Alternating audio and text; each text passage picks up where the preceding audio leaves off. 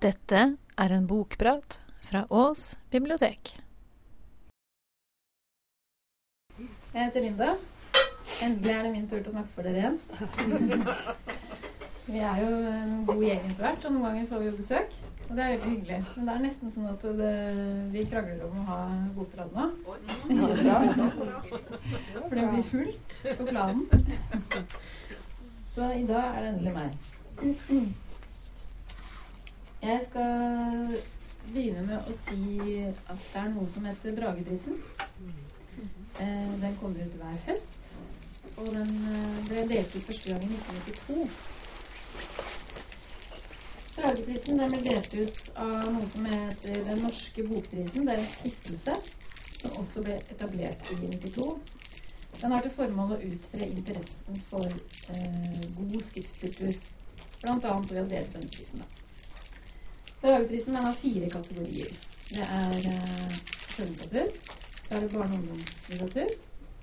Sakprosa. Og så er det en åpen klasse som forandrer seg for hvert år. Og I fjor høst var det noveller.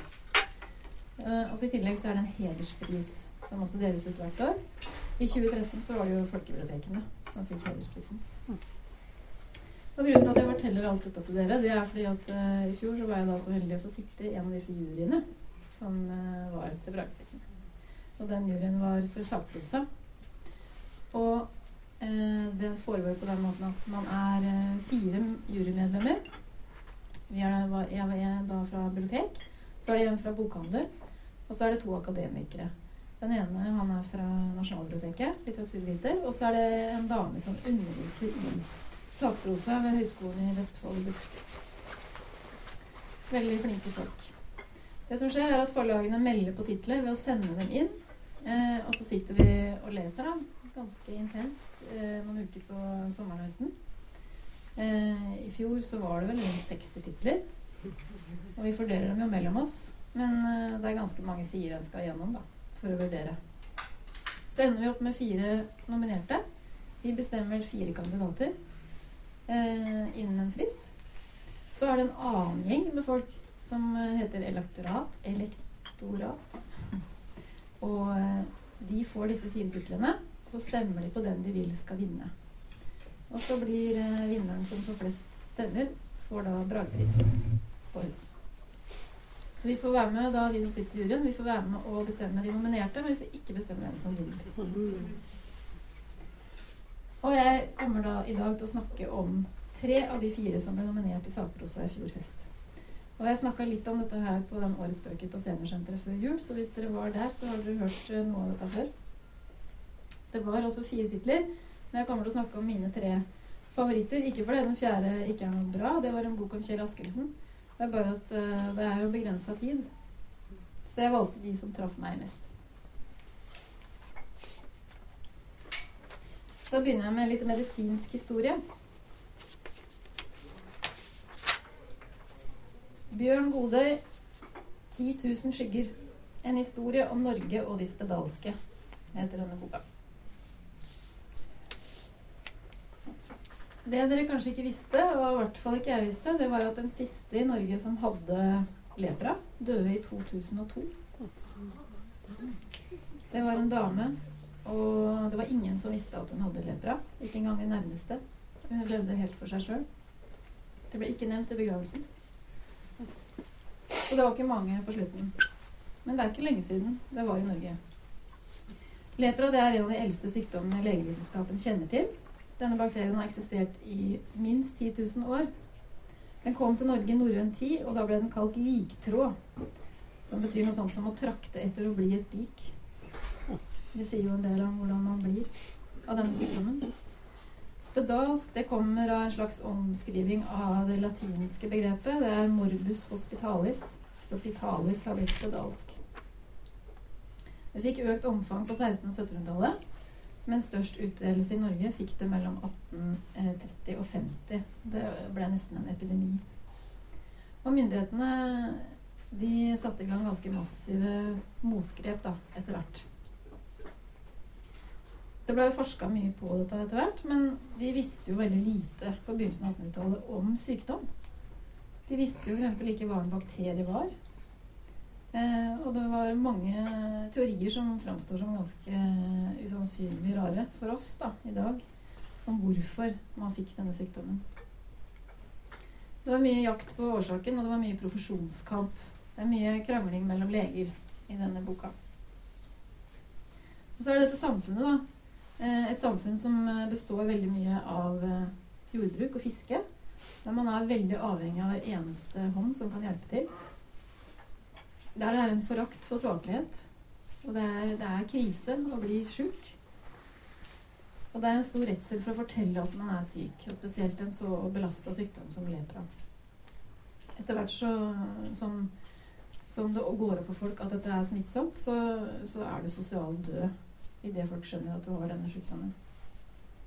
Og Derfor er, man, er, det også vanskelig å få folk inn i dette lepra-registeret som vi etter hvert fikk. Fordi folk tør ikke å fortelle. Så var det arv eller miljø? Var det smittsomt, eller var det ikke smittsomt? Det ble etter hvert et veldig populært forskningstema utover på 1800-tallet eh, å forske på lepra. Og en av grunnene var at eh, dette var en sykdom som fantes i koloniene. Og det var litt vanskelig for Norge, da. For det var liksom koloniene som hadde den sykdommen, og så var det Norge. Uh, og det var ikke bra for et land som ville være en moderne kulturnasjon. Det ødela for, uh, for identiteten vår, rett og slett. Og det var en av grunnene til at Norge la ganske store ressurser i å prøve å finne ut av den sykdommen.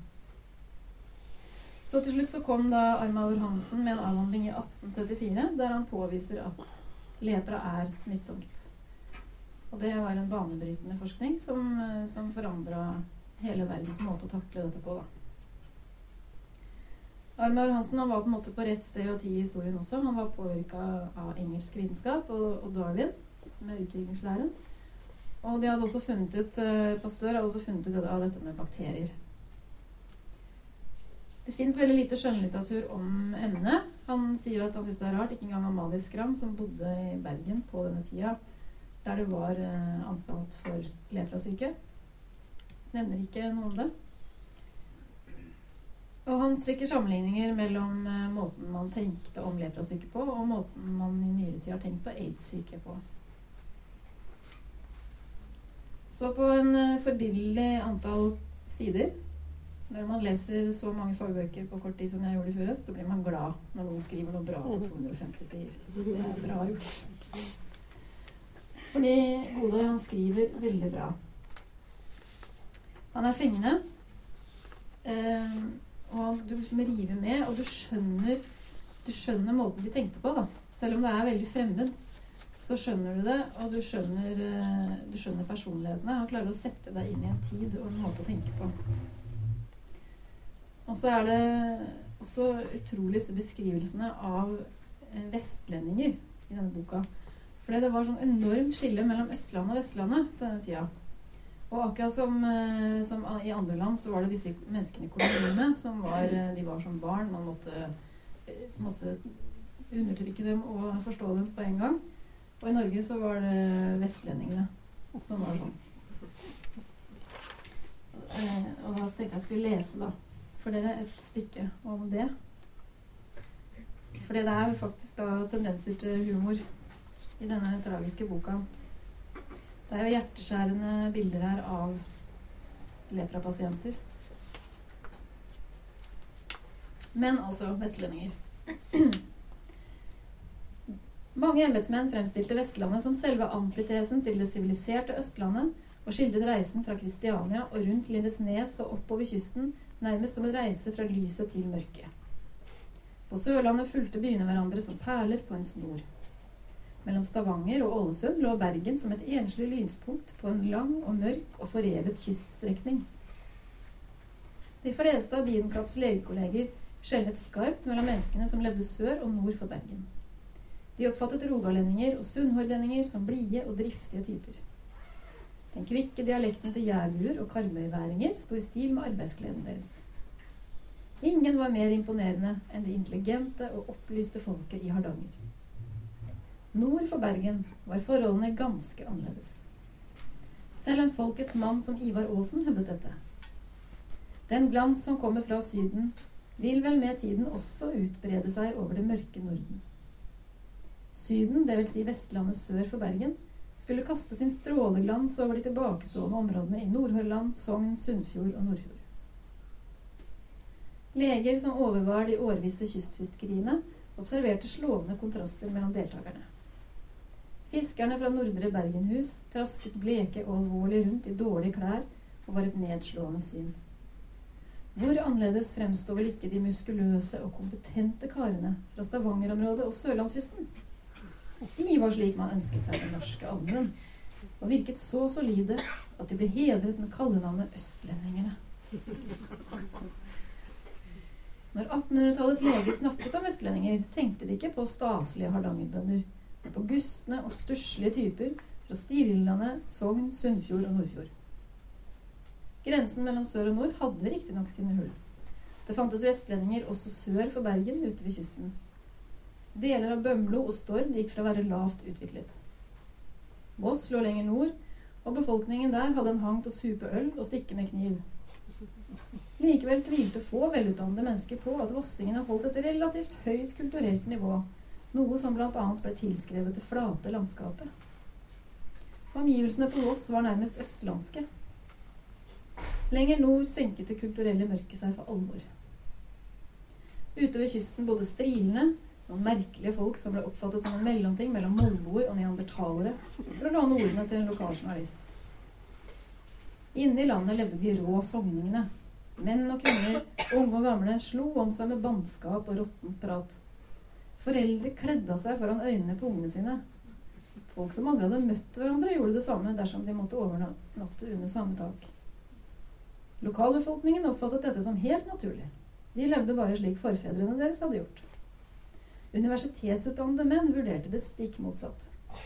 Selv Eilert Sundt, den kjente presten og folkelivsgranskeren, som anstrengte seg for å tolke allmuen på beste måte, rynket på nesen av strilenes og sogningenes levesett. Sogningene forekom ham å være særlig rå.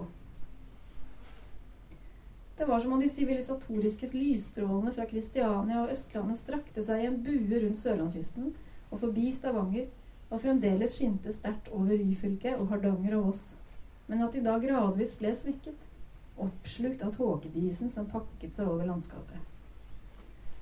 Ingen steder lå tåka så tykk som i Sunnfjord. Riktignok var menneskene der mindre usedelige enn sogningene. Til gjengjeld var de minst like urenslige og enda mer sykelige. Beviset lå i spedalskheten. Ja, ganske fin måte å tenke på. Eh, så dette er en flott fagbok. Det er, det er, virkelig solid og grundig, og han skriver bra. Og den har kanskje ikke blitt så synlig som de to andre jeg skal snakke om. Men det betyr ikke at den eh, ikke er så god. Så ikke glem denne. Så er det et nydelig kort.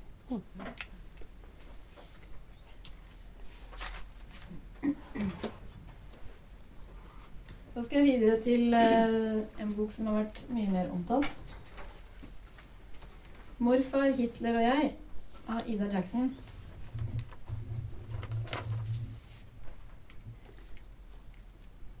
Denne boka begynner med at Ida Jackson søker opp sitt eget navn på Internett. Og hun bruker et ekstra navn, som er Kjøstland, som er et sånt familienavn hun har. Så kommer det plutselig opp et treff på morfaren hennes. Så står det at morfaren hennes har vært med i SS. Og det visste ikke Ida Reiksen. Så hun syns uh, dette er veldig rart. Hun tenker det kan ikke stemme. Uh, så leiter hun litt, så finner hun at jo, det stemmer. Det hun gjør da, er å sende en e-post til familien sin. Um, dette er altså morfaren. Hun sender e-post til uh, moren og hennes søstre og alle søskenbarna sine og sier 'Visste dere dette?' Og hun får ett svar. Sånn begynner boka. Søstera til Ida Jackson trodde at hun var psykotisk når hun fikk den e-posten, for hun tenkte at det var mer sannsynlig enn at bestefaren hennes var nasjonalsosialist. Så her har vi familiehemmeligheter på høyt nivå. Og boka følger da Ida Jacksons uh, ferd for å finne ut mer om denne morfaren. Fordi hun elsket morfaren sin. Han var en fantastisk mann. Han var unik som bestefar, og han fulgte opp hver og en. Og de hadde så mange lyse minner da, om barndommen på gården hos mormor og morfar. Hvordan får jeg dette til å gå opp med at uh, morfar var i SS under krigen? Det går nesten ikke an. Og så viser det seg at han var ikke bare en tilfeldig eh, fyr som uheldigvis ble kanskje tvunget til å melde seg inn i NS, sånn som det kanskje kunne skje. Nei, han meldte seg frivillig. Han sto på kontoret dagen etter de åpna og verva seg til østfronten. Han var overbevist nasjonalsosialist. Og det var ikke NS, det var SS som er, var en, en krigerkult, nesten, i det nazistiske systemet. Og han skrev mye. Han er en av de få som blir nevnt i alle forskningsbøker og forskning. Fordi han var en veldig offentlig person. Eh, sånn at det er ingen som tar hensyn til personvernet hans når de skriver om krigen. Så når hun forska litt, så fant hun ut at uh, de som forsker på krigen, visste veldig godt hvem han var. Og blei overbegeistra med seg. Fordi det var ingen i familien eh, som hadde villet prate med dem før. Så de var jo kjempebegeistra. Her kommer barnebarnet og vil snakke med oss. Men de var også skeptiske. Fordi det er veldig mange etterkommere som har som agenda da, å på en måte unnskylde slekta si når de, når de finner ut sånne ting. De vil si ja, men han var jo ikke sånn, eller det var et uhell, eller han ble tvunget. Um, og Ida Reaksen hun er helt nådeløs. Hun går gjennom alle disse som hun kaller bortforklaringene, som, er, som det er forska på blant etterkommere. og de, de, har delt dem inn i kanskje ni forskjellige. Og sier at ingen av dem kan brukes på hennes morfar. Han gjorde det. Han ville det. Og han ønska det. Og han meldte seg også til østfronten. Var på østfronten fra 41 til 43. I en periode der de aller, aller verste forbrytelsene skjedde. Omfattende massedrap på jøder, blant annet. Og eh, han skrev om det hjem til, eh, til blader som ble gitt ut i Norge på denne tida. Og han var veldig påvirka av en sånn ideologi som gikk på jord og blod. Altså at uh, blodet som teller, da. Hvem du er, det går gjennom tusen generasjoner. Og når han kom hjem da og liksom kjempa for denne ærerike krigen, så skulle han, da skulle han dyrke jorda. Det var det store for uh, nasjonalsosialistene. At du bodde Du var født et sted, der hørte du til. Du skulle bo der, og så skulle du være en ærerik bonde. Og det var veldig viktig at alle bare var der hvor de hørte til. Ingen skulle være et annet sted.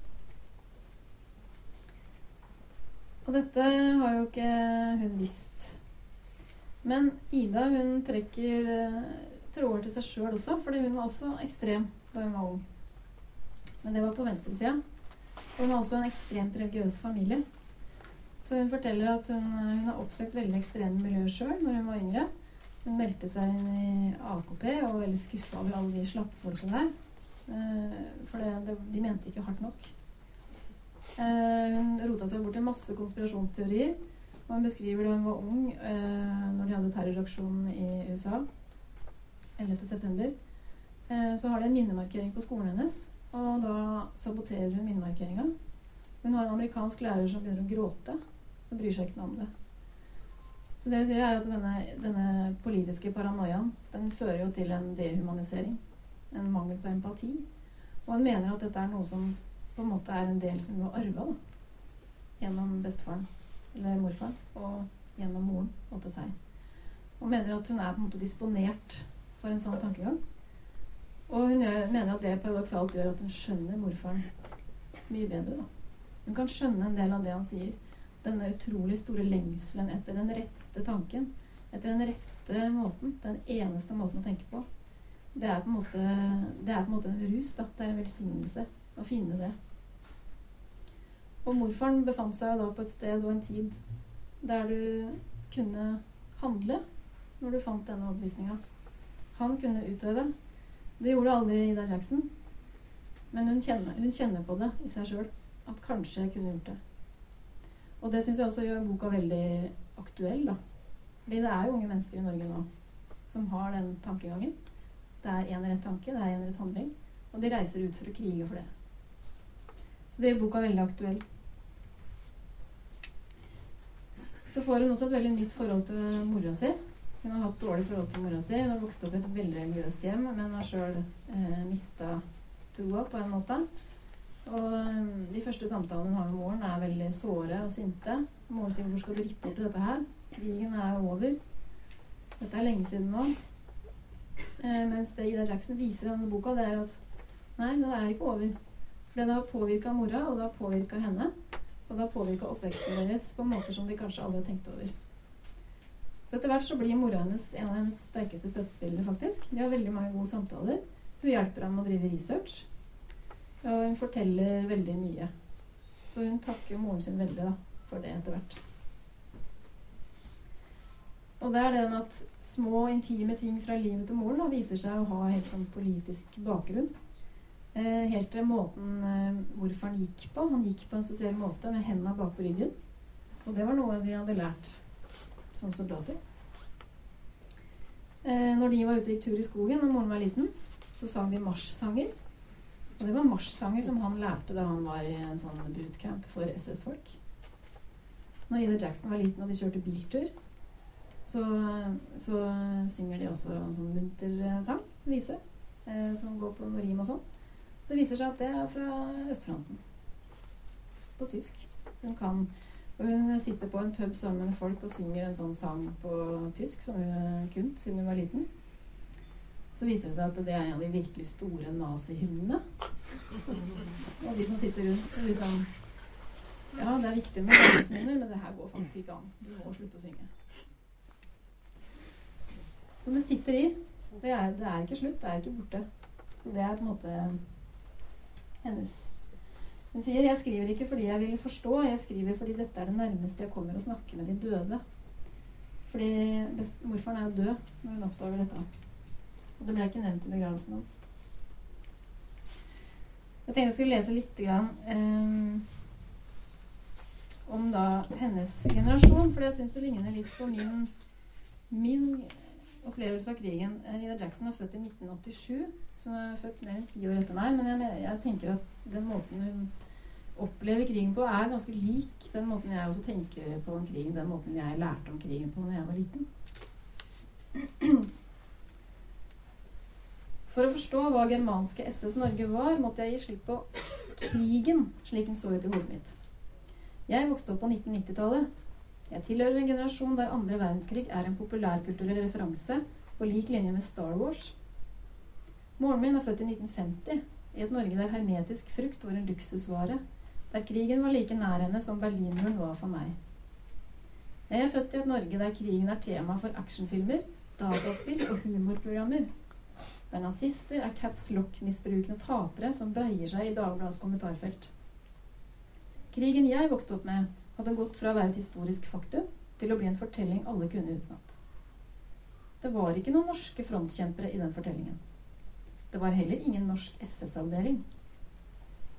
Det betydde at jeg måtte lage plass til SS-morfar to steder.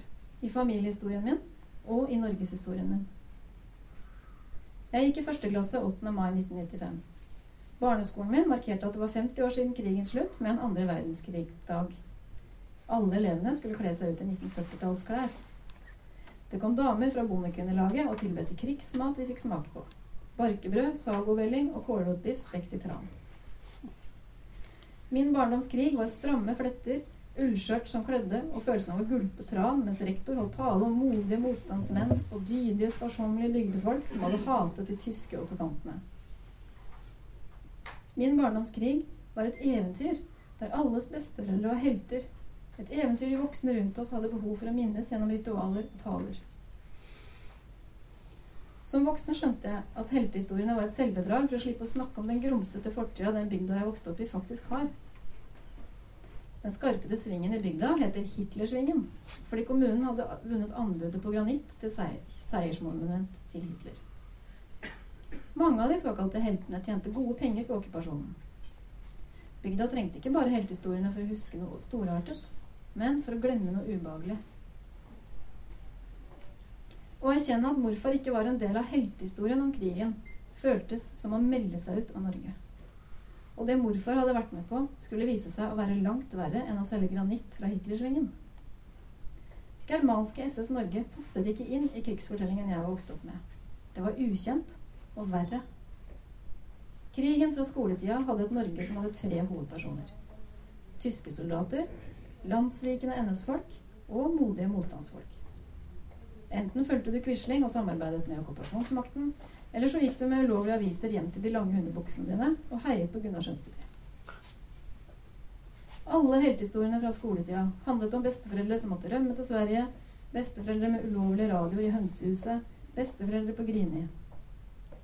Når folkemordet eller den nasjonalsosialistiske ideologien kom opp, hadde det aldri noe med Norge å gjøre.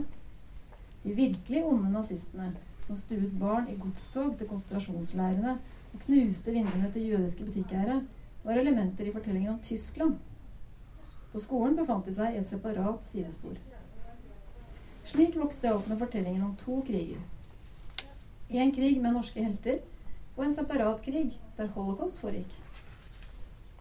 Germanske SS Norge bandt de to krigene sammen til én krig. SS hadde begynt som Hitlers livs, livgarde, men var under Heinrich Himmlers ledelse blitt en av Det tredje rikets mektigste organisasjoner.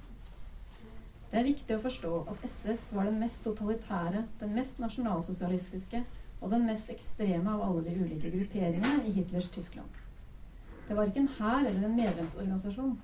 Det var en krigerorden av ideologiske elitesoldater. Den hadde hovedansvaret for ledelse og utførelse av folkemordet og de andre krigsforbrytelsene. Og morfar hadde ikke bare vært NS-medlem. Han hadde vært SS-mann. Så dette er en bok som virkelig treffer, altså. Både i hodet og hjertet. En veldig sterk eh, personlig beretning. Men jeg syns også til slutt at den har en, en tanke tilbake da.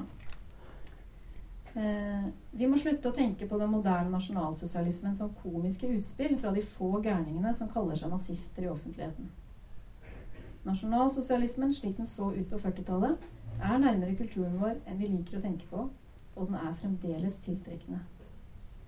Jeg tror det er på tide at vi tar opp denne delen av norgeshistorien og ser at den ikke er fremmed, men ubehagelig kjent. Så det er den personlige beretningen.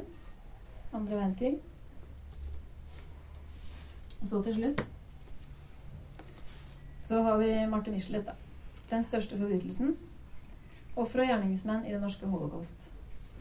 Dette er jo ikke en personlig beretning, men det er jo også en utrolig sterk bok.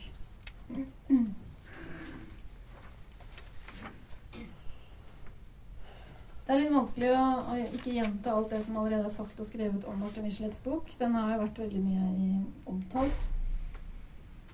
Men Marte Michelet hun er en utrolig dyktig journalist. Hun skriver godt. Eh, hun begynner med å sette en scene på et tog på vei mot Sverige. Der det er noen som prøver å flykte ut av landet. De blir avslørt. Eh, det er jakt, forfølgelse, det er drap. Eh, og så, når den innledningen er slutt, så spoler hun på en måte tilbakeover. og går inn på jødene i Europa. Hvor holdt de til gjennom århundrene? Hva levde de av? Hva fikk de lov å gjøre? Hvordan forflytta de seg? Hvordan endte, opp, endte, noen opp i Norge? Eh, hvor bodde de i Norge? Hva drev de med? Eh, en del av dem bodde bl.a. på Grünerløkka. Og vi følger en slags sånn typisk jødisk familie i Norge da, eh, som heter Braude.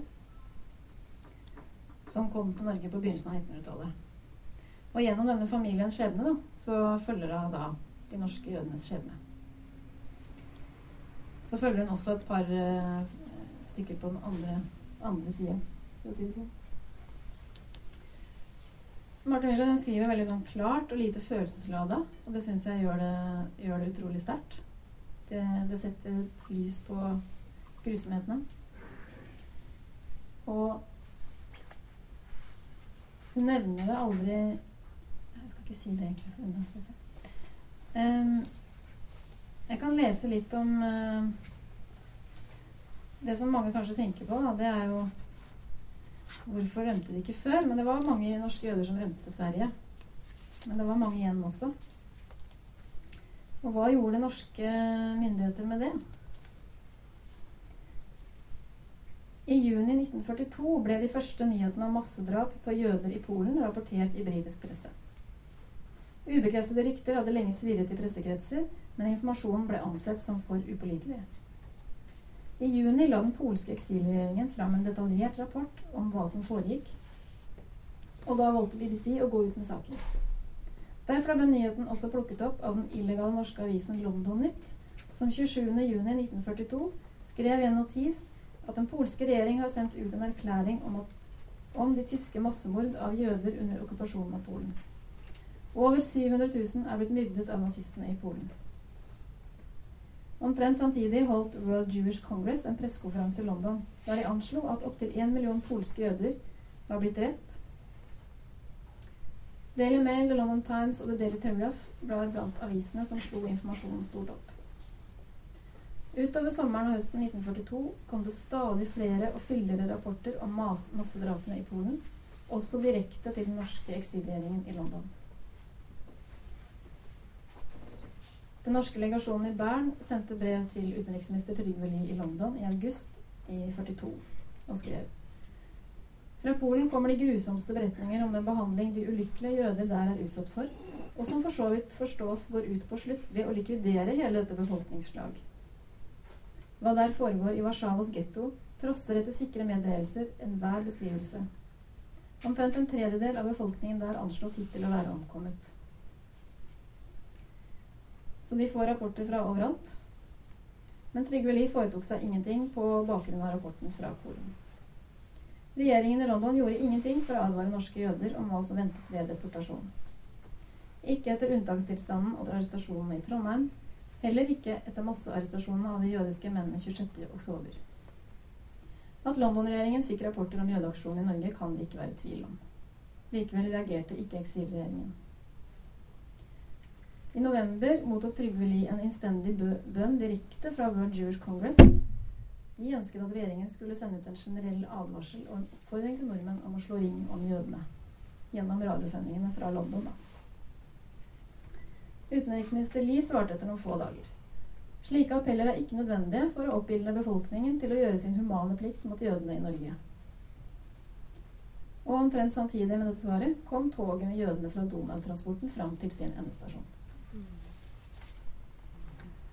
Det er, eh, det er, en ganske hard bok å lese.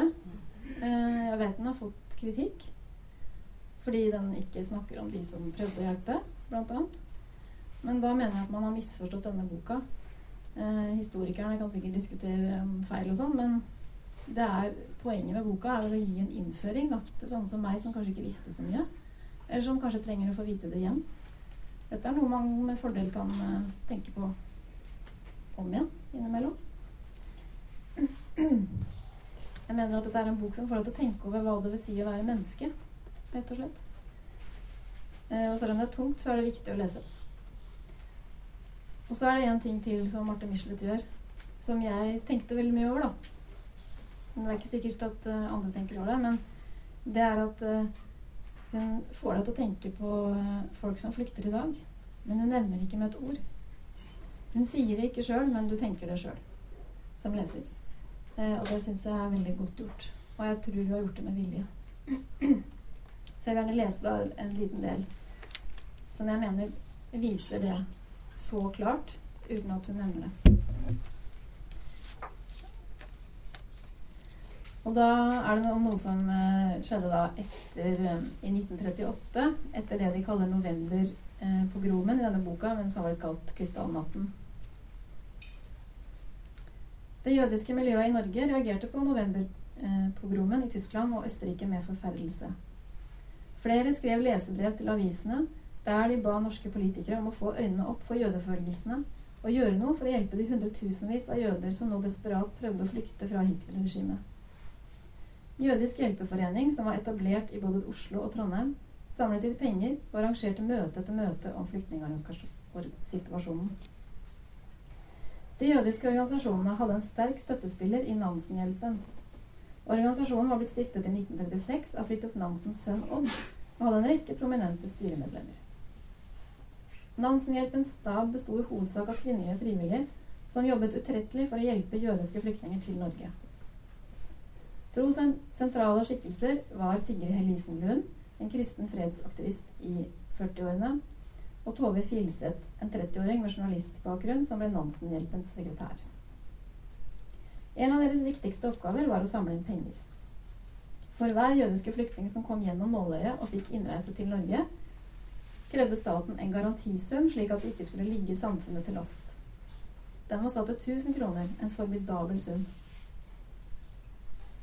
Nansen, Filseth og Helisen Lund forsøkte å skaffe donorer, men møtte stor skeptisk, skepsis. Noen var derimot villige til å gi alt. I samarbeid med Nansenhjelpen arrangerte Jødisk hjelpeforening i 1938 en tre måneders feriekoloni i Norge for en liten gruppe jødiske barn fra Wien i alderen 7-9 år. Det var en måte å omgå det norske byråkratiet på. Da oppholdet nærmet seg slutten, søkte de om opphold for barna, med henvisning til at forholdene var blitt verre i Østerrike, mens barnas foreldre i mellomtiden desperat forsøkte å ordne med emigrasjon for seg selv. Etter langvarig tautrekking med norske myndigheter ble barna innvilget opphold mot at norske jøder selv sørget for alle, alle utgifter med dem. En stor innsamlingsaksjon ble satt i gang, og på en liste over giverne publisert er Braudene, altså den familien som følges gjennom boka, sammen med en annen familie oppført med en donasjon på 40 kroner. Det var mye penger. Dobbelt så mye som den månedlige husleien i Øvre gate. Sammen med listen av givere var det en artikkel der komiteen for å hjelpe wienerbarna rapporterte om hvordan arbeidet gikk. Vel er vi et av de første land som er kommet ulykkelige jødiske barn til hjelp på denne måten. Men når vi hører at Sverige i disse dager tar opp 700, og andre land har gitt tusenvis av slike barn et nytt tilfluktssted, må vi inderlig beklage at vi jøder i Norge kun har maktet å hjelpe 16. Det var vitterlig ikke de norske jødenes feil. Hindringene lå i Justisdepartementet, der en av ekspedisjonssjefene i 1939 advarte mot å gi opphold til jødiske barn. Avgjørende for meg til å stille meg slik til barneplanene er selvsagt at sjansen for å brenne inne ved barna er overveldende stor. Selv om vi betinget oss barnehjemssystemet, ville disse barna etter hvert knytte slike forbindelser til Norge at vi ikke blir kvitt dem. En annen i Justisdepartementet skrev at en invasjon av jøder må vi jo frabe oss. Mens fremmedpolitiet i Oslo var redd det blir en jødekoloni her. Samme år fikk likevel Nansenhjelpen kranglet seg til å hente 47 jødiske barn fra Tsjekkoslovakia. Sigrid Hellisen Lund og Tove Filseth dro personlig ned for å hente dem, sammen med sjefen for sentralpasskontoret, som passet nøye på at de ikke tok med seg flere enn de kunne stille garantisum for, og som sjaltet ut syke og uønskede. Gjennom hele 1930-tallet tok Norge mot færre enn 500 jøder på flukt. Kan dere bytte ut jøder med syrere, og så tenke litt? Mm. Men hun sier ikke. Det må du tenke sjøl. Så det er tungt, men uh, viktig. Og dette var den boka som vant Brageprisen i fjor høst. Ja, da har jeg vel uh, trykt dere godt ned. Takk for meg.